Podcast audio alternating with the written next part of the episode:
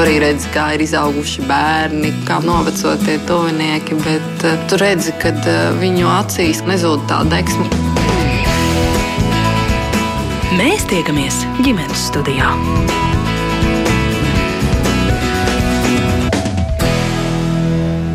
Labdien, priecājos eh, sveicināt visus ģimenes studijas klausītājus. Mans vārds ir Agnes Linka, šī raidījuma producente ir Ilze Zvaigzne un sarunas temats šodien ģimenes studijā. Latvijā ir gadu ap 3000 bērnu augšana mammas vēderā, pati no sevis izbeidzas līdz 12. grūtniecības nedēļai. Apmēram 170 iet bojā starp 12. un 22. grūtniecības nedēļu, un vēl tikpat bērniņu piedzimst nedzīvi pēc 22. grūtniecības nedēļas vai nomirst savā pirmajā nedēļā pēc dzimšanas. Šo mūžībā aizsaukto bērnu vecāki kopā ar profesionāļiem jau mm, vairākus gadus gadiem ir apvienojušies sabiedriskā iniciatīvā Zvaigžņu bērni. Savukārt režisora Ināras Lutska nesen Nacionālajā teātrī iestudējusi izrādi Sievietes daļas, kas stāsta par bērnu zaudējumu pieredzi un ietekmi uz visu ģimeni. Kāda tā ir, kā to iespējams pārvarēt, lai dzīvotu tālāk, un kāpēc šādiem stāstiem vispār ir jāizskan ne tikai guļamistabās vai speciālistu kabinetos, bet arī sabiedrībā un uz teātras skatuves. Par to šodien ģimenes studijā. Un mans sarunu biedrens ir šeit eh, klātienē pie mums viesos režisori Inārs Lūtska. Labdien! Labdien! Atbalsta grupu vadītāja sērojošiem vecākiem, kas pārstāv arī šo sabiedrisko iniciatīvu Zvaigžņu bērni Ginta Bula. Labdien! Labdien! Un telefoniski ar mums kopā Nacionālā teātra aktrise Laura Siliņa. Labdien, Laura! Sveiki! dzirdat mūs. Jauki. Es piebildīšu, ka šodien, kā ierasts, mēs gaidīsim arī jūsu klausītāju komentārus, viedokļus, piebildes vai pieredzes stāstus. Ja jums ir kas sakāms mūsu šīs dienas raidījuma temata sakarā, rakstiet, sūtiet mums ziņas no Latvijas radio mājaslapas. Ginte, es sākšu ar jautājumu jums. Viens no zvaigžņu bērni mērķiem ir aktualizēt šo tēmu par zaudētajiem bērniem sabiedrības dienas kārtībā. Kāpēc? Kāpēc par to ir jārunā skaļi un šis jautājums jāaktualizē? Tāpēc, ka par to neviens runāt negrib. Sabiedrībā tas vienmēr paliek to cilvēku starp tiem cilvēkiem, kuri to bērnu ir zaudējuši. Un uh, vecāku atbalsta grupās, vienā grupā man bija vairāk vecāku, kur teica, Kamēr mūsu bērniņš vēl elpoja, mēs bijām interesanti vecākiem. Tiklīdz bērnam sirds apstājās, ārsti mums uzmanību vairs nepievērš. Tas nav nekāds uzbrukums vai mediķiem vai kam, bet diemžēl tā, tieši tāda reakcija ir, ir apkārtējiem uz tiem vecākiem, kuri bērnu zaudē. Un nav svarīgi, vai tas ir grūtniecības sākumā, vidū vai beigās, vai arī pat tad, ja tie jau ir, kā, kā es saku, piedzīvoti bērni. Jau, arī, nu, mēs vairāk par mazuļiem, bet jo ir tāds kaut kā mm, pieņemts vai. vai, vai Nu, es kādreiz saku tā, ka es nezinu, vai mēs latvieši esam tādu, ka mums tāds kušu, kušu, tā jau vienmēr ir bijis, un tu jau neesi vienīgā. Un tad tur jau ir visi tie padomi, ka būs jau vēl citi bērni un tā. Nu, es teiktu, jā, vienkārši tāpēc, ka par to negrib runāt. Bet tieši vecāki, kuri zaudē bērnus, grib par to runāt, jo tas bērns jau man ir bijis. Nu, tas nekas, ka tikai zem sirds. Mēs jau viņu tāpat gaidām. Gan mammas, gan tēti, gan vecmāmiņas. Nu, arī tāpat tās, kad um, tā sērošana jau ir tāda arī slēgtā tēma, un tas arī rada tādas ļoti daudz problēmas, jo nesaprot, kā un tad ir atkal grūti ilgstoši. Hmm. Ko šī saruna dod tiem vecākiem, kas ir bērnu agrīni zaudējuši? Tas apstiprina to, ka tas bērns ir bijis. Un kad ir cilvēki, kuri ir gatavi uzklausīt, tas ir tas, ko atbalsta grupa dod. Kad tur satiekās vecāki, kurus vieno tas, ka, mē, ka, viņi, nu, ka mēs visi esam gājuši cauri bērnu zaudējumam dažādiem stāstiem, īsākā, garākā, ar dažādiem iemesliem, kādreiz vispār bez, at, pat bez atrastiem iemesliem. Tā tāda. Nu, tā kā tāda klusējoša kopības sajūta, kad uh, otrkārt tā ir, ir tā, ka tu zini, ka tu drīksti runāt atkal un atkal, jo pie zaudējumiem ir ļoti svarīgi, ka gribās jau izstāstīt un vēl un vēl, ne tikai vienreiz. Un tad, kad tev pretī ir cilvēki, kuri tam arī, kas to arī ir piedzīvojuši, tad, um, tad tu drīksti atļauties, tu drīksti runāt par tām emocijām. dusmām, kaitinošām lietām, ka tai kaimiņu meitenei, ar kuru es kopā staigājām ar lieliem vēderiem pa pagalmu, tagad ir ratiņi, bet man nav. Un tās ir tādas tēmas, ja, par kurām nu, to neviens negrib. Nu, kurš to nu, ir saprotams, ka ir grūti klausīties. Bet tieši runājot, arī tas sērošanas process iet uz priekšu, jo sērošana jau ir darbība. Tā nav tā klusā sēdēšana aiz aizvērtiem logiem vienam pašam. Bet mēs līdz cilvēku to nemaz neiedomājamies, jo mums šķiet labāk nekustināt šo tematu.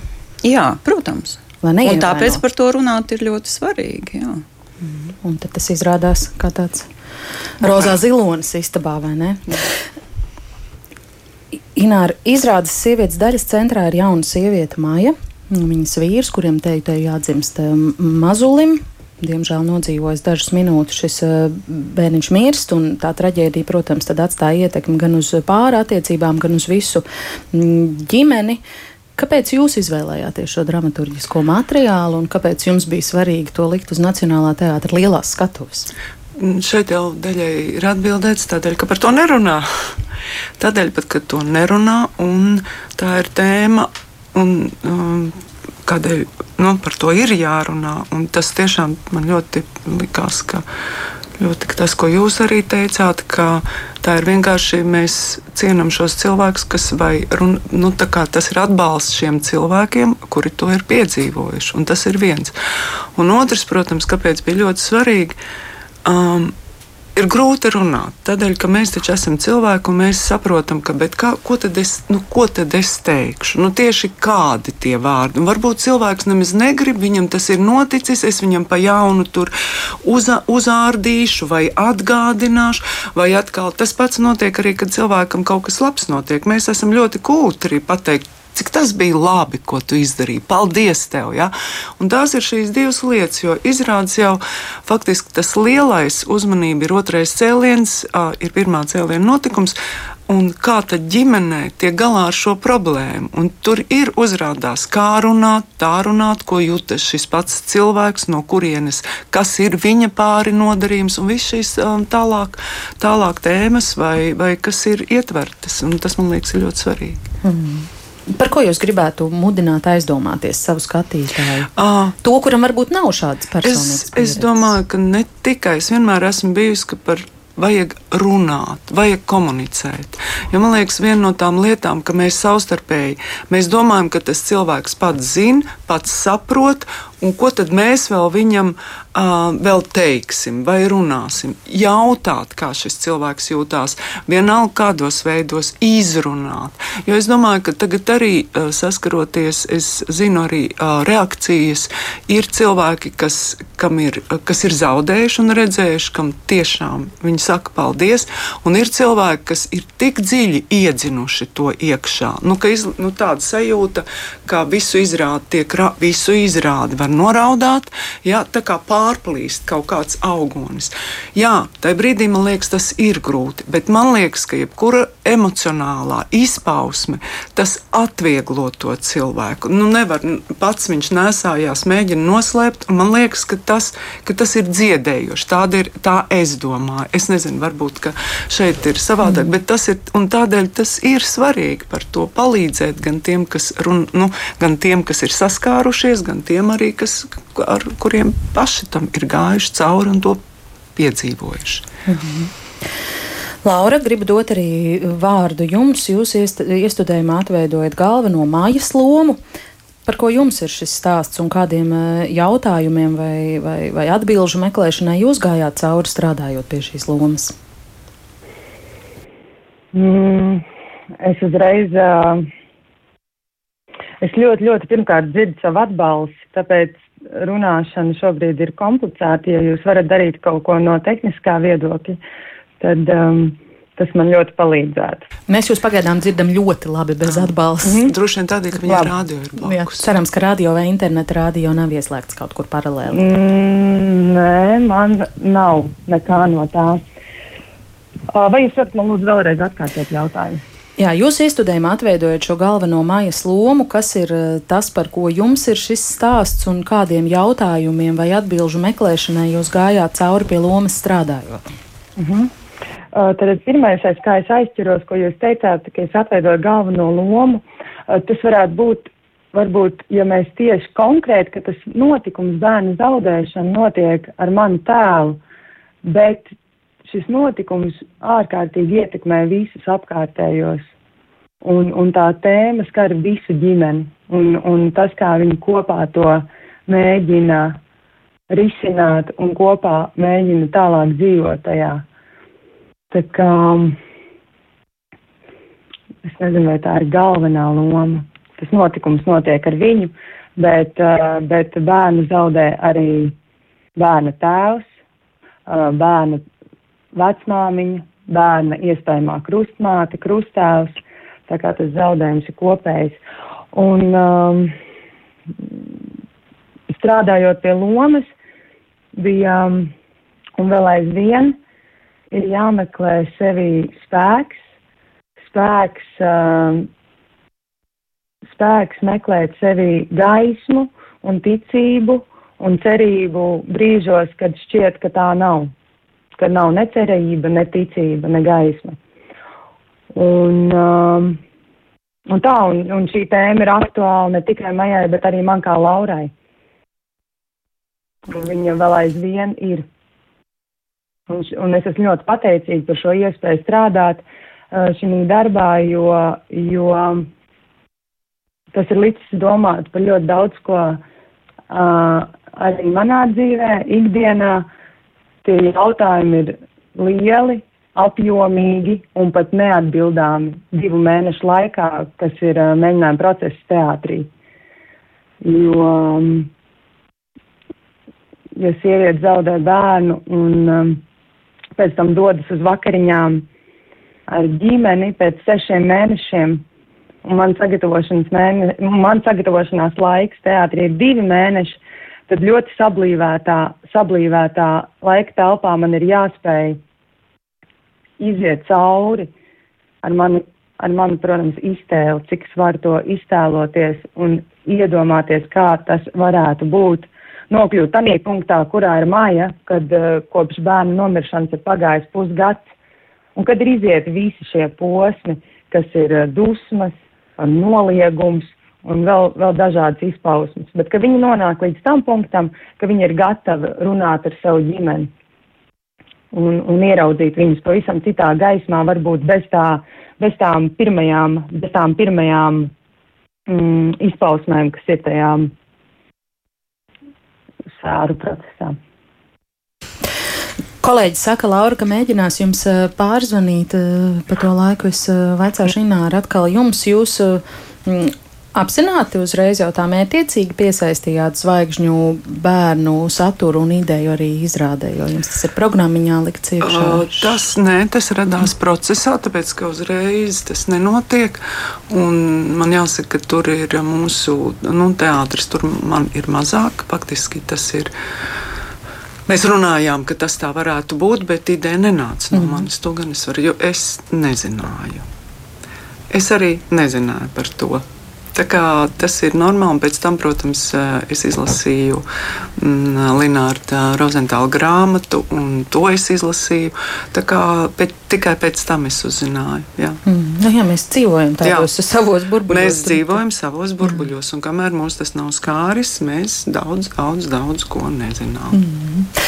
Ginte, jūs esat redzējusi izrādi? Jā. Varbūt kādas pārdomas par to vai par to, ko... Man bija ļoti interesanti, jo man ilgus gadus grupas vienmēr vadīja viena pati, un pagājušajā gadā man, man uh, pieteicās, ja tā var teikt, divas jaunas dāmas. Uh, palīdzēt, Laura un Aira. Un pirmsrādes dienā Aira man zvana. Viņa saka, Gint, ko tu dari vakarā? Es saku, ko es varu darīt? Nu, apmēram, nu, ko tu, tu tagad baigi darīsi ar to laiku visu. Viņa saka, man ir viena brīva biļete. Vai tu gribētu nākt? Un es biju lasījusi intervijus, un es saku, jā, protams, ka es gribu nākt. Un, Nu, Kā jūs skatījāties ar savām profesionālajām acīm? Jūs sakāt, kopš 2013. gada jūs vadāt šīs grupas sērojošiem vecākiem atbalsta nu, es grupas. Es varbūt ar tādu vienu atkāpi.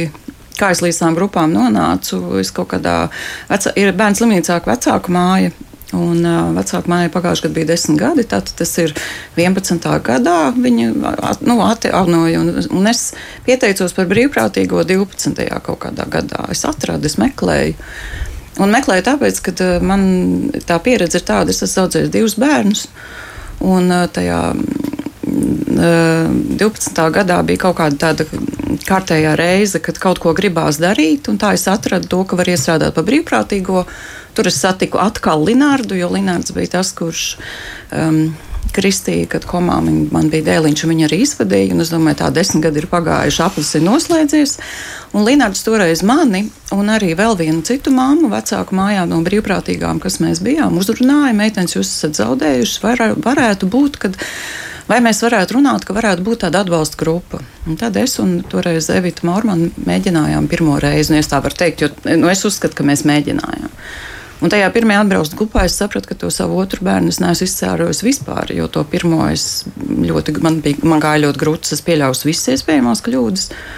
Un tad, balstoties uz to, sākot ar tām grupām, es sapratu, ko tas var iedot. Un tā tas sākās. Un tā tas ir gājis. Jā, teiksim. Tā kāds bija jautājums. Par to, kā jūs skatījāties? Jā, kā es skatījos. Izrādi. Sāksim ar to, kad es pirmoreiz dzīvē sēdēju pirmajā rindā, jo mums ieveda toreiz, nu, mēs bijām.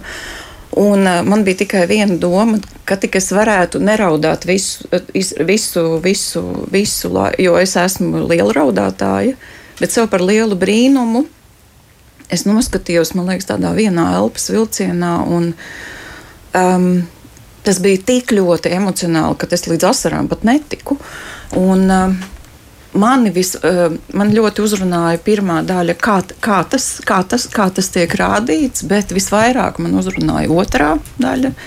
Tāpēc, kad uh, manā pieredzē pašai personīgi un arī tieši tās ģimenes saites, tās, uh, to pašu tuvāko cilvēku um, tās dīvainās reakcijas, vai tas, ka visi vienmēr zina, kā man būtu jāuzvedās, vai man ir jāstaigā melnā vai puķainā, vai man ir jārunā, vai es drīkstu smieties, vai kurā brīdī ir laiks iet ārā no mājām un pietiek raudāt. Un tas, kā, tas ir. Nu, tas tur viss ir tik ļoti, par to tāds, nu, es pat nezinu, vai milzīgs paldies, ka, ka tik ļoti var. Tas man, nu, tāpēc, ka tas ir tieši tā, kā tas notiek. Jo tie mūsu vistuvākie cilvēki mūs arī visvairāk var sāpināt. Jo viņi ir pirmie, kuri nogurst no tā, ka nu, cik ilgi apmēram tagad šitā ņemsies. Ja? Gads jau ir pagājis, vai tiešām tā ir jāraud. Nu, tas ir tas, ko es esmu savā dzīvē dzirdējusi. Protams, starptautējās attiecības vecākiem. Jā. Nav nekāds beigās noslēpums, ka cik daudz ģimenes izjūg, jo nu, netiek galā. Un es domāju, netiek galā tāpēc, ka nerunā tā, kā jūs teicāt. Jā. Nu, kā, Es nezinu, ko man ļoti patika. Ar, ar, ar, ar, ar, mēs braucām mājās un ļoti pārunājām, cik ļoti tas tā kristāli skaidri ir izcelts. Man gan bija viens jautājums, es domāju, nes kā tie cilvēki kas nav to piedzīvojuši. Kā viņi to var iznest? Mm. Tur ir interesanti, man skatījās, um, nu, kā. Um, uh, jaunieši, gan mani studenti ir skatījušies, gan, gan vēl ir jaunieši, kas ir Marijas Ulmanis, uh, nu, kas ir um, scenogrāfi, uh, draugi. Un viņi teica, ka tā viņiem bija pieredze. Ka tā bija Viņi pieredzēja kaut ko, ko viņi nav piedzīvojuši, bet caur teātri viņi guva kaut kādu pieredzi, kā tas varētu būt. Un, un kas mani, man vispār tas bija diezgan liels, arī es negaidīju tik ļoti, ka, ka šo izrādi tieši jaunieši ļoti, ļoti pieņem. Mm. Laura, jūs esat ar mums, es ceru, ka ciešamākā kvalitātē dzirdēsiet Jā, sevi vai mūs. Es uh, gribu jautāt, varbūt, kas ir tas, ko jūs gribētu, lai uh, jūsu skatītājs aizejot no izrādes pārdomātu? Mm. Nekas nav, nekas nav lielāks, nekas nav svarīgāks un vērtīgāks par dzīvību.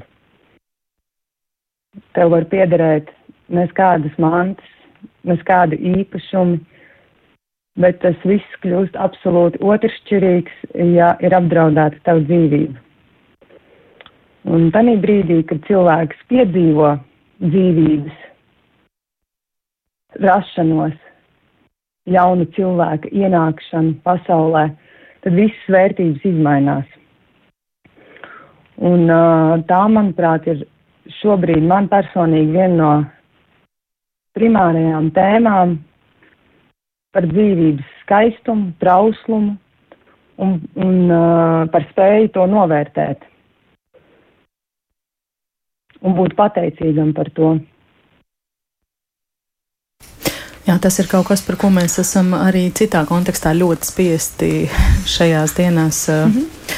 domāt. Es nolasīšu dažus klausītāju komentārus.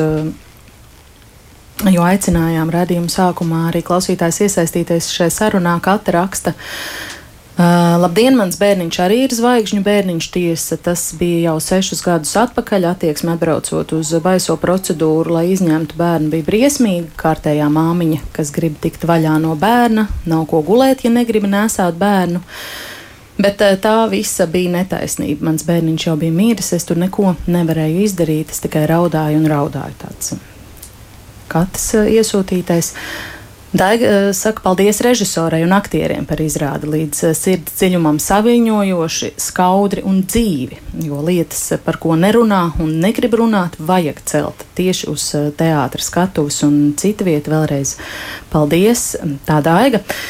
Mūsu sarunu tagad turpinās vēl kādas reālas sievietes, reāls pieredzes stāsts. Un saprotam, apsvērumu dēļ mēs nesauksim eh, viņu vārdā, jo pārdzīvojumi, ar kuriem viņi dal, dalījās, ir tādi ļoti mm, privāti. Un, lai sargātu šo privātu, mēs mainījām arī sievietes balsi. Bet Stāsts ir tāds, ka pirms desmit gadiem viņa zaudēja mazuli pašās pēdējās grūtniecības nedēļās, un kad eh, ģimenes studija viņu uzrunāja, lūdzot par to pastāstīt, eh, mēs arī vaicājām, vai tas nebūs pāri darījums eh, sev pašai, un šī sieviete atbildēja, ka tā nebūs, jo par notikušo viņa tik vai tā iedomājas gandrīz ik mm, dienas. Paklausīsimies šīs māmas stāstu. Kopš mana bērna zaudējuma tūlīt būs pagājuši desmit gadi. Tas notika pēdējā grūtniecības mēnesī, kad skaidrs, ka bērns ir vesels un visam ir jābūt labi un nav nekādu veselības sarežģījumu īpaši ne man, ne bērnam, bet tuvāk šim grūtniecības beigu posmam neliels veselības sarežģījums, kur dēļ es nonācu slimnīcā un tur um, gan manā ieskatā, gan citu mediķu ieskatā netika sniegta atbilstoša palīdzība, netika izvērtēts mans veselības stāvoklis lielā universitātes slimnīcā. Es tiku aizsūtīta mājās, bet rezultāts bija tāds, ka bērna sirds pārstāja pukstēt. Vēlāk ārsti, kas pētīja tos izmeklējumus, kas slimnīcā bija veikti, bet viņi nebija pārbaudīti, tie izmeklējumi, teica, ka šajos izmeklējumos jau varēja redzēt, ka bērnam ir problēmas ar skābekļa piegādi, un, un šis bija tas moments, kad tu saproti, ka bija iespēja kaut ko darīt, ko neviens slimnīcā nebija darījis. Viņam nebija apakšā ne paraksta, ne zīmogu šiem izmeklējumiem. Tas nozīmē, ka zemākas eh, kvalifikācijas medicīniskais personāls bija uztaisījis eh, bērnu sirdstoņu ierakstu, bet pēc tam tālāk to neviens certificēts speciālists nebija apskatījis. Un līdz ar to man pazīstamie ārsti ieteica arī vērsties pēc tam tālāk iestādēs un mēģināt cīnīties par to, ka šeit ir saskatāma nolaidība. Man tagad grūti pateikt, vispār tas sērošanas laiks, kā to būtu ietekmējis ja nebūtu šī vēršanās un pēc tam mēģinājumi panākt taisnību. Panākt taisnību, jā, bet tas mans galvenais mērķis sākotnēji bija arī tāds, ka tā šausmīgā bezspēcīga sajūta, nu, tajā brīdī, kad tu saproti, ka ir noticis neatgriezniskais bērns ir miris un tā sajūta, ka tu krīti bezdibenī un nezini, kam pieķerties. Un pēc tam es saprotu, ka es ļoti, ļoti negribu novēlēt, lai vēl kādam ir jāsaskaras ar kaut ko tam līdzīgu. Un tas bija tas galvenais mans dzinulis dokumentus savākt, nepieļaut, ka citiem vecākiem ir jāpiedzīvo kaut kas tam līdzīgs.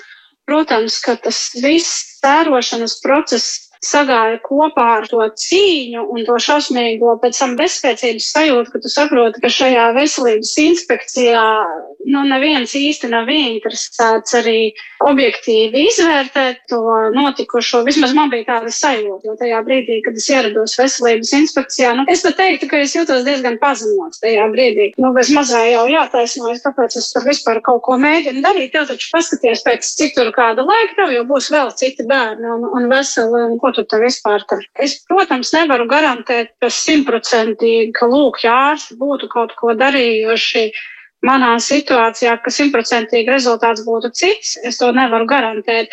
Bet tas, kas man bija ārkārtīgi svarīgi, un tas, ko es nepiedzīvoju, ka tajā brīdī, kad es nokļuvu mediķu aprūpē, man nebija tā sajūta, ka tiek darīts viss iespējamais, lai novērstu to, kas vēlāk notika. Jo man šķiet, ka palīdzēt pacientam tu vari tad, ja tu veic atbilstošus izmeklējumus, tie signāli, kas man bija tajā brīdī, tie parasti medicīnā tiek aprakstīti literatūrā kā brīdinoši signāli, ka kaut kas varētu nebūt kārtībā, un līdz ar to netika manā ieskatā izdarīts viss iespējamais, lai novērstu draudošās sakas, un kas vēlāk bija, protams, nākamais šokējošais, ka tu redzi sekcijas rezultātus. Bērnam, tu redzi, ka tur tiek svērtas viņa smadzenes, tiek svērti viņa orgāni, un tur viss ir uzrakstīts, ka viss ir norma, viss ir perfekti, viss ir brīnišķīgi, un līdz ar to tu saproti, ka tev ir mīļš, vesels bērns, un ka ir ļoti, ļoti liela iespēja, kas sniedzot atbilstošu medicīnisko palīdzību, ka to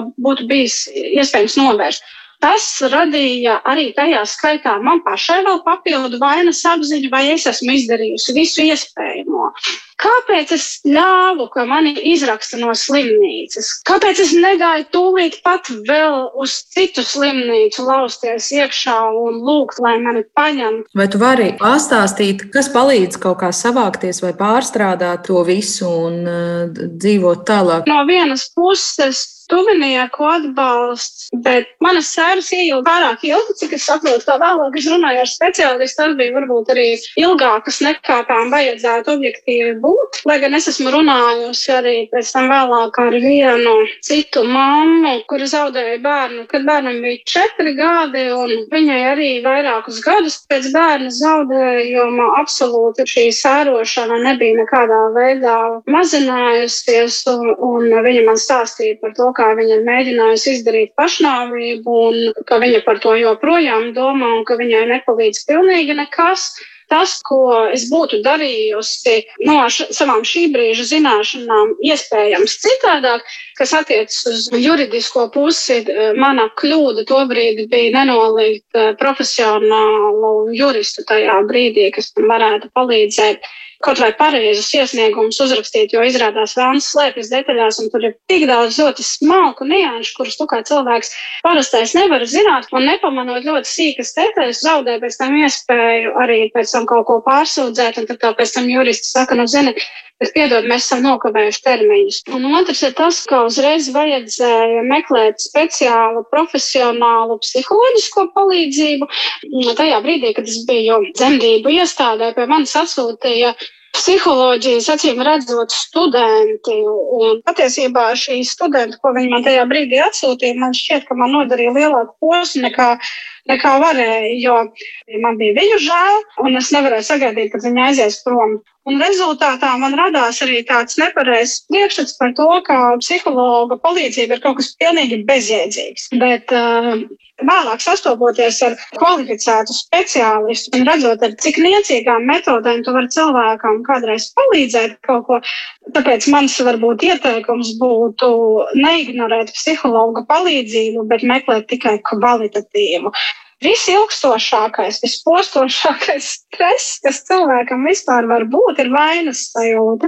Tas atstāja ietekmi uz visiem pārējiem, un tā vainas sajūta absolūti lielākajai daļai visticamāk ir pilnīgi nepamatota. Par to, kas vēl palīdzoši tieši, tieši nu, tajā viskritiskākajā brīdī, kad es tikko uzzinu, ka ir noticis neatgriezeniskais, piezvanīju sievietei, kurai zināju, kur ir pirms dažiem mēnešiem piedzīvojusi līdzīgu līdzīgu situāciju kā es. Viņa man tajā brīdī sniedza ļoti praktiskus padomus, kā rīkoties un ko darīt. Tas man bija ļoti palīdzoši.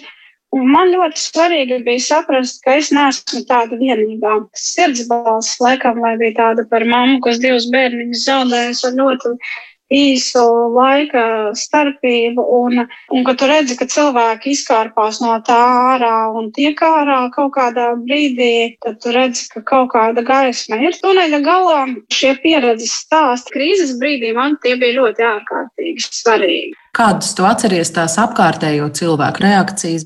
Kas ir tas, kā šādā situācijā apkārtējiem ir ieteicams eh, reaģēt, un kas ir tas, ko noteikti varbūt nevajag teikt vai darīt? Kas man viss, viss, viss svarīgākais pašai šķita, nenovērsties no šī cilvēka. Jo nu, no vienas puses ir tā sajūta, kā mēs tagad ar viņu runāsim. Redz, viņš tur tādā nelaimē, viņš droši vien negribētu ne ar vienu runāt. Man bija svarīgi, ka no manis nenovērš, kā no kaut kāda slimā spitālīgā. Man bija svarīga šī pozīcija, ka cilvēki man piezvana, ir gatavi ar mani parunāties. Un, un nenovēršas un uzaicina ciemos un klātesamības sajūta. Pēc tam jau tu pats vari arī, arī, arī atbildēt, kā tu gribi vai negribi ar kādu šobrīd satikties, bet, nu, ja tu viņam nepajautāsi, nepiedāvāsi to savu draugu plecu, tad tu arī nezināsi, un varbūt, ka tu viņu tad atstāji vienu tumsā tajā brīdī. Tā kā es biju ļoti pateicīga tiem cilvēkiem, kas ir gatavi ar mani komunicēt un nenovērsties, un uh, vēl viena lieta, par ko laikam ir svarīgi runāt, ir attiecības ar tuvākajiem ģimenēm. Šajā manā krīzes brīdī ar dažiem ģimenes locekļiem man, manas attiecības būtiski uzlabojās, satuvinājās, un es saprotu, ka šādās krīzēs mēdz būt ģimenes, kas ļoti satuvinās, un ir tādas, kas pilnīgi pajūg. Tā kā tur ir, tur ir šīs galējības. Kaut kādus dažus mēnešus pēc mūsu ģimenes nelaimes man sanāca ar diezgan tuviem radiem tāds nopietns konflikts. Eh, es biju ieslēgusies eh, istabā, es rakstīju vēstuli eh, veselības inspekcijai, iesniegumu veselības inspekcijai rakstījis, bija ļoti sakoncentrējusies, un es biju ļoti lielā tādā arī stresā. Un tajā brīdī, kad atnāk cilvēki, kurus es neesmu ne saukus, ne aicinājusi, es ar viņiem ļoti labprāt satiktos, bet ne, ne tajā brīdī. Tad viņus man apvainojas, kāpēc to ar, ar mums tagad nesarunājas. Bet es šobrīd sēroju, es šobrīd negribu nevienu satikt. Mēs varam vienoties par kaut kādu konkrētu laiku, kad mēs to darīsim, kad mēs satiksimies. Lielai daļai šķiet, nu, ka tas jau tā, nu, ir jau taču dažus mēnešus pagājuši, nu, ko tad tur vēl cepies, bet man tas nepagāja ātri, man tā sērošana ievilkās ilgāk nekā pēc rokas grāmatām tai vajadzētu būt. Divi gadi man bija stabili, nu, nomāktība vai padziļināta joprojām urķēšanās savās emocijās, un te droši vien kādam arī vajadzēja varbūt notvert no malas un pateikt, ka klausies brīdis varbūt, ka jau ir jāsāk meklēt palīdzību no malas, lai neievilktu sevi dziļākā bedrē. Nu jā, un šiem cilvēkiem no malas, kam šķiet, ka ir pietiekami ilgs laiks pagājis, viņi jau nezina, kas ar tevi notiek. Un manī tas radīja tādas dusmas arī, kā jūs varat nezināt, ka man ir slikti. Kāpēc jūs nākat pie manis? Es negribu ar jums tagad runāt, nenāciet pie manis. Tad pēc tam, protams, man pašai rodas vainas sajūta, ka redz, kā es tagad esmu viņus sadusmojos. Nu jā, tad arī vēl, protams, tālāk rada, kas piedzīvo nelaimi savās mājās mājās. Un tad arī tur ir neizpratne, kāpēc tu neierodies uz viņu svētbrīdi. Jā, tas viss ir sarežģīti. Lai cik man likās, eh, es esmu daudz par to lasījusi un dažādas pašpalīdzības eh, literatūru un runājusi pirms tam ar speciālistiem darba kontekstā un tam līdzīgi. Cik patiesībā tu esi nezinošs šajos jautājumos, un cik ļoti viegli tu vari aiziet nepareizā virzienā un nodarīt savu pāri pēc tam ilgtermiņā un radīt trauksmi, bez kuras tu ļoti iespējams būtu dzīvojis visu dzīvi, ja tu būtu pareizi tajā brīdī mācējis sevi apturēt neproduktīvā, pilnīgi nepareizā sevis vainošanas procesā. Ja ģimenē ir vēl bērni, manā ieskatā būtu svarīgi tomēr kaut kā saprast, kā nenodarīt viņiem pāri ar šo savu sērošanu, jo viņi arī sēro. Tagad arī vecākajiem bērnam šobrīd ir nelielas problēmas ar, ar mācībām tieši pandēmijas ietekmē. Nu, pamazām bērns sāk atgūties, bet pa šo starpu mēs esam arī sazinājušies ar speciālistiem, kuri ir analizējot šo mūsu iepriekšējo pieredzi par šo brāļa zaudējumu. Vecākajam bērnam tobrīd bija trīs gadi. bērns redzēja šo vecāku sārošanas eh, laiku, un droši vien, ka stipri izjūt arī uz savas ādas, lai kā mēs censos viņu neatgrūst, noteikti ietekmi tas ir atstājis uz bērnu. Un to mums arī tagad psiholoģē apstiprināja, ka šis notikums ir atstājis noteikti arī ļoti lielu iespaidu uz vecāko bērnu, un no šī viedokļa vien būtu svarīgi sazināties ar speciālistiem tajā brīdī, kad tas būtu pareizi, lai nenodarītu pāri, pārējiem visiem dzīvajiem, un lai šīs sekas, psiholoģiskās un visa veida citas sekas nebūtu vēl lielākas, varbūt radiem, kas ir tuvāki un kuri šajā situācijā var kaut kā iesaistīties, varbūt arī aicināt uzrunāt šos vecākus un, un uh, meklēt palīdzību, lai šie bērni arī necieš vēl vairāk. Tāds lūk, mammas stāsts. Es atgādināšu, ka ģimenes studijā mēs šodien runājam par agrīnu bērnu zaudējumu pieredzi un eh, tā ietekmi uz eh, cilvēkiem, uz ģimeni, kā arī, to, kā arī par to, kāpēc par šo būtu jārunā eh, plašāk visā sabiedrībā. Un mans sarunu biedrenis šeit studijā režisora Ināra Slūcka un atbalsta grupu vadītāja sērojošiem vecākiem Ginta Būla. Telefoniski ar mums kopā ir Nacionālā teātra aktrise Laura Siliņa. Gintas vērsīšos pie jums. Gribu vaicāt, kas jums eh, šai stāstā varbūt eh, šķiet akcentējams vai ir kas piebilstams? Mammas stāstā? Jā. Nu, patiesībā jau ir tā, ka. Eh, protams, ka katrs stāsts ir atšķirīgs, bet ir jau tās kopējās lietas. Es pilnīgi piekrītu, ka uh, tā palīdzība ir jāmak, jāmeklē, bet te ir atkal, nu, mēs esam ļoti atšķirīgi. Mums ir ļoti dažādas ģimenes. Mēs tajās sērās, jeb um, tajā bērnu zaudējumā, jo uh, Linārds kādreiz ir teicu, teicis, ka tā dzīvē nav, tās nav pareizās lietas, tā nav pareizā lietu kārtība. Vecākiem savus bērnus nevajadzētu apglabāt, bet, diemžēl, tā notiek. Viņi pie... izrāda. Mm. Jā, tas arī tur ir. Jā, un, un, un, un, bet uh, arī, nu, diemžēl, tā notiek, kad, kad tie bērni pie mums nāk, mums viņi nepieder. Un viņi izvēlās aiziet. Un kā mēs katra no, no mamām atrodam to, es domāju, ka kaut kādā brīdī katrs atrod to savu atbildi, kaut, no, kas, kas ir tas, kas kā, iznes uz augšu no, tiem, no tās sērošanas, no, tiem, no tā purva, es teiktu tā. Un, kad, um, noteikti visiem nedara vienādi par tādām cīņām, jā, es esmu, es, grupās arī ir bijis, kad vecāki cīnās un ir ļoti grūti pierādīt. Tomēr tā birokrātija ir tāda tieši kā mamma stāstīja tikko, kad Un tu paliec ar, nu, tā kā nepietiek, ka tu esi ar tukšu klēpi. Jā, un tu vēl, te, tu vēl tā kā tevi tieši tā uz tevi vēl skatās tā ne, ne īpaši, jā.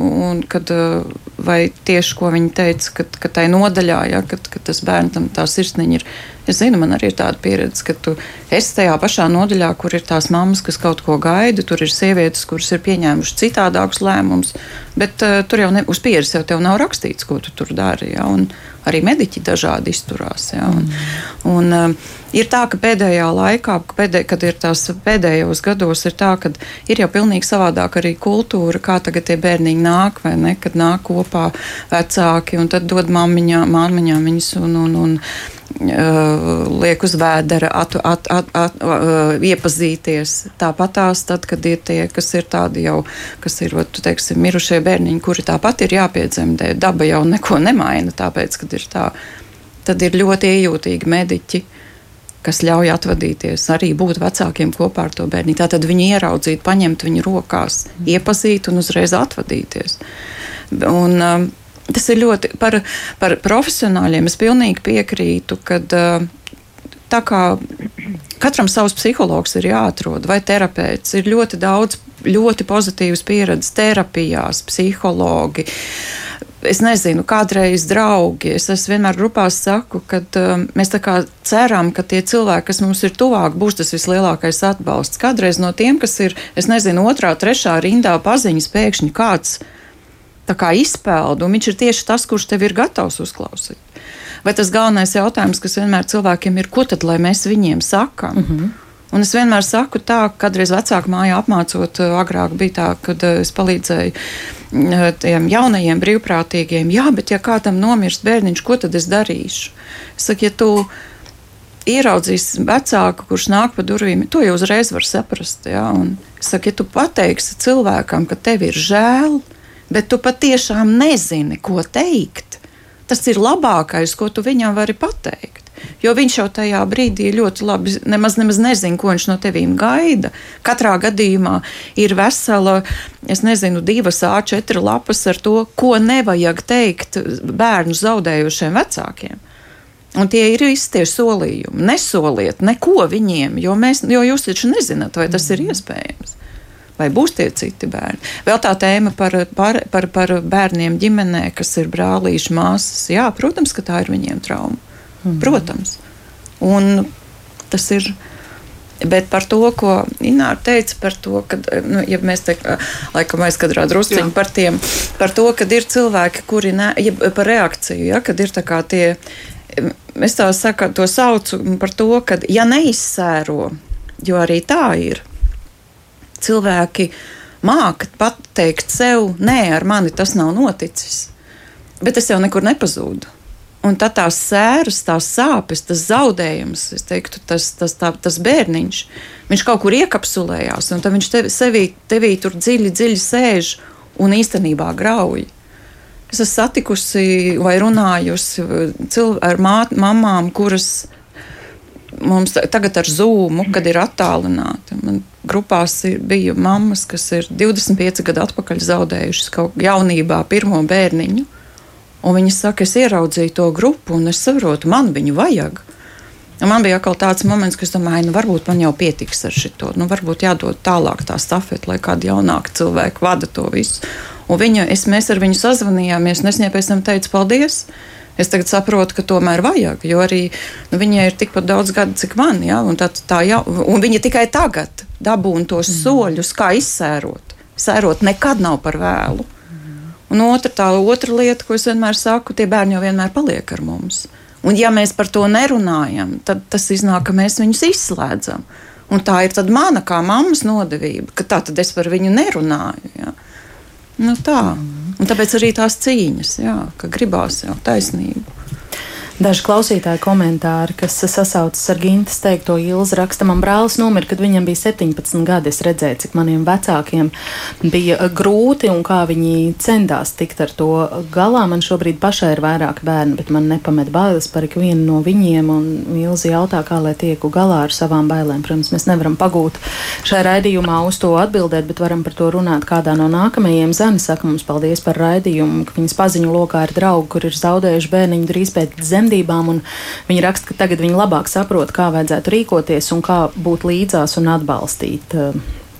Uh, Vēl tikai viņi vēlas piebilst, ka jebkura tuvinieka zaudējuma nav iespējams pārdzīvot, bet ar to var iemācīties sadzīvot, kaut arī tas nav viegli. Un um, vēl kāda klausītāja saka, ka viņi nokavēs raidījumu sākumu un grib vaicāt, kāds ir izrādes um, nosaukums. Mēs runājam par izrādi šodienas raidījuma kontekstā izrādes sievietes daļas Nacionālajā teātrī. Mm, Laura Siliņa, aktrise, kas atveido šai izrādē mājas lomu ilgāku laiku, Laura, jūs esat klusējusi vai ir kaut kas, par ko jūs domājat? Eh, domājāt, klausoties eh, šajā mammas stāstā, varbūt kas no izskanējušā šķita svarīgākais? Es varu izteikt tikai lielāko cieņu un atbrīnu, ka šis cilvēks ir piekritis runāt un ka viņš ar šo dalās, pat ja tie ir desmit gadi, kas ir pagājuši. Un, uh, mm, es, es uzmanīgi klausos un es esmu pateicīga arī par šādas zvaigžņu bērnu, ka šāda iestāde, ka šāda vieta ir. Un cik svarīgi ir, ka šie cilvēki var sanākt kopā un ka viņi var runāt un dzirdēt viens otru. Tas ir brīnišķīgi un paldies uh, Gintai, kur izstāstīja savu pieredzi un kā viņi tur ir nokļuvusi. Un tas tikai vēlreiz un vēlreiz mums pierāda to, ka nekas nenotiek bez iemesla, un mēs esam tieši tur, kur mēs esam, un tās atbildes nāk tikai vēlāk, un kaut kas saliekās un saslēdzās. Un tā ir satikšanās pēc satikšanās. Un, un, un uh, arī šī gīnas pieredze, kur viņi satikās ar šo sievieti, un pēc tam ir telefons zvans, kas tālāk gīndai dod, motivāciju un apstiprinājumu strādāt un, un turpināt to darīt. Kā, paldies par iespēju šeit būt un to dzirdēt. Jā, paldies! Katrīna raksta, es nevaru saņemties, iet uz izrādes sievietes daļas, zinu, ka raudātu abus cēlienus. Liekas, ka tas ir pāri maniem spēkiem apzināti piedzīvot tik traģisku stāstu, bet lai izturība visiem vecākiem, kas zaudējuši savus mazuļus. Um, ziniet, ko es kādreiz domāju? Es domāju tā. Nu, mums vajag ne tikai smieties. Es domāju, ka jebkurā emocionāli tad mēs parasti sakām, oh, man bērns, tā bija ļoti laba filma. Mēs tā raudājām. Arī tā saka cilvēki. Katarze nu, ir jāpiedzīvo, jo mēs jau esam cilvēki. Un vēl izrāde nav, viņai nav, nu, viņa nav nu, nomācoša. Izrāde ir ar. ar nu, ar pilnīgi pozitīvu, un tas bija mans absolūts uzstādījums ar, ar to pozitīvo nobeigumu, mm. cik nu viņš ir iespējams. Bet ar ticību, ka mums ir, ka šī ģimene beidzot ir runājusi un kaut kas ļoti būtisks notika. Jā. Zana raksta šo briesmīgo faktu, ka mans bērniņš ir nomiris. Tas palika mūsu ģimenē, to zinājām tikai mēs, es un mans vīrs. Es negribēju nevienam to nestāstīt, ne taisnoties. Nu, kā tad tā sanāca, cik ļoti man bija žēl omītus un opīšu, kas būtu par to priecājušies un tad gaidījuši bērniņu, bet nu, pēc vairākiem gadiem jau man ir divi dzīvespriecīgi bērni. Tā raksta Zane un kāda anonīma klausītāja. Lūdzu, ģimenes studijā informēt klausītājus, kur tad vērsties pēc šīs palīdzības, zaudējot bērnu, jo viņas pieredze ir tāda, ka pēc šīs nelaimes problēmas notikšanas viņa rakstījusi internetā atrastām dažādām lapām, kas piedāvā atbalstu, tomēr atbildi nav e, izdevies uh, saņemt. Kur ir jāvēršas? Piemēram, ja interesē palīdzības grupas, uh, kur jūs vispār izplatāt informāciju par tām un, un cik tās ir plaši pieejamas, vai pietiek vietas visiem, kas vēlas piedalīties? Nu, pēdējos gados visa tā informācija ir tas, kas mani atbalstīja un, um, un arī šobrīd atbalsta, ir uh, Bērnu slimnīcas fonda vecāku māja. Uh, un, uh, Viņa tad uz tās platformas arī tās, tagad, protams, ar ierobežojumiem, tad arī Zoom platforma bija tur. Lieta ir tāda, ka tā nav baigi plānojama lieta. Tas ir tik grūts jautājums. Pagājušā gadā mums bija trīs grupas. Ir bijuši gadi, kad ir viena, vai ir varbūt tā, ka, jo parasti ir tā, ka um, kāds atrod, kāds uzzvana, vai um, ir arī, protams, zvaigžņu bērnu tā platforma, ir, ir, ir, ir veseļu um, ir ļoti arī tādas, eh, tad, kad eh, eh, mēs dodam tādas tā kā reklāmiņas, ka, teiksim, tagad arī būs pavasara grupa.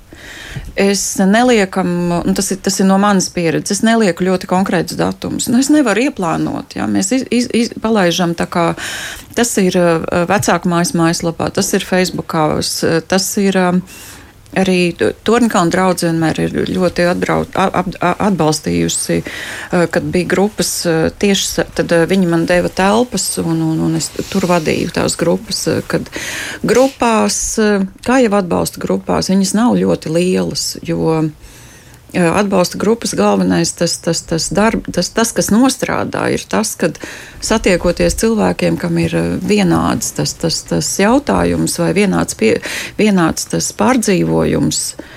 Viena no lietām, ko es vienmēr telefonu sarunā pirms grupas visus apzvanot, vienmēr saku, ir jāsaprot, ka kādās no grupas parasti kādas 5, 6 reizes tikšanās, un kad tas savs stāsts būs jāizstāsta tāpēc ka tas ir tikai godīgi. Otra lieta, ko es vienmēr brīdinu, ka būs jāuzklausa citi stāsti, bet tajā pašā brīdī tas arī ir tas galvenais, kas nostrādā. Jo tad, kad tu dzirdi, kad ir vēl kāds cilvēks, kurš arī ir zaudējis, viņa zaudējuma sāsts ir savā atšķirās no tavējā, tad ir ļoti bieži tā, arī tā var būt. Ja? Jo mēs ar savām sāpēm tas zaudējums jau nu, tā ir tāda tumsa migla vai purvs. Es nezinu, kā, nu, kurš to nosauc. Nu, teiksim, un par to, ka jā, ir statistiskā tā, teiksim, tā sērošanas dinamikas, tur tie laiki, kur ir viens gads vai divi gadi. Nu, nav jau ne pareizi, ne nepareizi. Svarīgākais, uz ko var skatīties, vai nu paši uz sevi, vai arī apkārtējie, nu, lai tas neaiziet tādās, nu, nu, ka tas paliek jau bišķiņi tā kā ne īsti normāli, ja, kad viss, nu, lai nebūtu pārmērību tā kā. Bet atrast, eh, tagad ir tā labā ziņa, kad uh, zvaigžņu bērnu platforma uh, iz, organizēs tā, ka tas būs vienā vietā atrodams, uh, visas tie, tie, tie kur notiks grupas. Un, uh, es saprotu, ka ir, būs vēl, vēl kādi vadītāji, kas tikai, jo šobrīd, nu, lai cik tas ļoti dīvaini neizklausītos, Nu, es esmu tāda viena, bet tagad būs vēl, un par ko es tikai priecājos. Ļoti daudz ir arī aktīvu vecāku, kas, teiksim, Facebook grupā mm -hmm. apvieno, un tad viņas arī uzklausot, sarakstoties, atbild vienotrai vecāki. Mm -hmm. nu, tā kā Mūsu Jā. spēja par šo runāt ir augusi, man gribas tā teikt. Noslēdzot eh, sarunu, jo laiks ir eh, nepielūdzams, es nolasīšu Artūra komentāru. Tas ir eh, garš un tas ir pelnījis izskanēt, jo galu galā arī viens tētis ir iesaistījies mūsu sarunā ar savu pienesumu. Artūrs raksta tā, es un mana sievijas pēc dzemdībām zaudējām savu puisīti. Puisīts bija pirmdzimtais un sāpes bija neaprakstāmas. Tās sāpes pavadīs mani visu mūžu. Sākumā es vainoju Dievu par šo notikumu, uzdevu sev jautājumus, kāpēc tas tā notika. Kāpēc tieši tas skar mani? Bet tagad es katru nakti aizlūdzu par dēlu dvēselīti, jo tas man liek ticēt, ka ir dzīve arī pēc nāves, Puisīts nomira desmitajā dienā pēc dzemdībām Bērnu Kliniskās Universitātes slimnīcā. Dzīves būdams viņš skatījās manās acīs. Viņš neraudāja, vienlaicīgi ar pēdējiem spēkiem satvēris ar savu mazo rociņu manu īkšķi. Sāpes bija neaprakstāmas. Nezinu, kā ir tagad, bet pirms astoņiem gadiem netika sniegta nekāda psiholoģiskā palīdzība. Atnāca kapelāne, kas mani un sievu mierināja, bet pēc tam tas beidzās. Īstenībā es gribēju aizmukt no sevis un nevēlējos ne ar vienu runāt, nevienu nevēlējos laist sev klāt, pat negribēju, lai kāds nāk izteikt līdzjūtību. Tuviniekiem ir visgrūtāk, jo nezinu, ko teikt. Katrs nepareizs vārds var būt kā vēl viens duncis jau tā asiņojošā sirdī. Labākais, ko var darīt, ir būt blakus, apķert un klusumā sērot un izraudāties. Neviena valsts iestāde tajā laikā nepiedāvāja nekādu psiholoģisko palīdzību, palīdzēja savākties portālā dvēseļu dārzs, atrodamie citu zvaigžņu bērnu vecāku stāsti. Lasot tos stāstus, ir sajūta, ka neesi viens uzreiz pēc tam, kad piedzima puisīs, viņš neelpoja, un man atmiņā palicis vecmātes sacītais. Tā ir dabīga atlase, ko viņa pateica manā un sievas klātbūtnē par šo Vecmāte nekādas sūdzības nerakstīja, jo bija sēras. Pēc šī notikuma mūsu ģimenē piedzima vēl divi ķipari. Tagad nevaru saprast, kad un kā lai izstāstu viņiem par brālīti, kurš ir debesīs. Es labprāt padalītos ar savu stāstu un vajadzības gadījumā ar savu pieredzi, iesaistītos vadlīniju vai materiālu izstrādē, kas palīdzētu citiem zvaigžņu bērnu vecākiem. Un Arturs arī ir uh, atstājis ģimenes studijai savu tālruņa numuru, ja, vēl, ja, vēl, ja kāds vēlas ar viņu sazināties. Tā kā ģimenes uh, studijā mēs noteikti šo tēmu turpināsim. Mums ir sagatavošanā vēl viens uh, raidījums, kurā runāsim tieši par reālo pieredzi slimnīcā, zaudējot bērnu un par to, kas varbūt ir jāmaina visā sistēmā, lai saņemtu cieņpilnu attieksmi un iespējas. Šobrīd es teikšu paldies par dalību raidījumā režisorei Inārai Slutskai. Paldies! Paldies! Liels. Gintai Būlai vislielākais paldies tātad atbalstu grupu vadītāju sērojošiem vecākiem Ginta Būla un telefoniski ar mums kopā šo laiku ģimenes studijā pavadīja arī Nacionālā teātra aktrise Laura uh, Siliņa. Šodien ģimenes studiju veidoja radījuma producente Ilze Zvaigzne un uh, skaņoprātā Rita Kārnača pie mikrofona bija Agnes Linka. Visu labu un uz ceturtēšanos!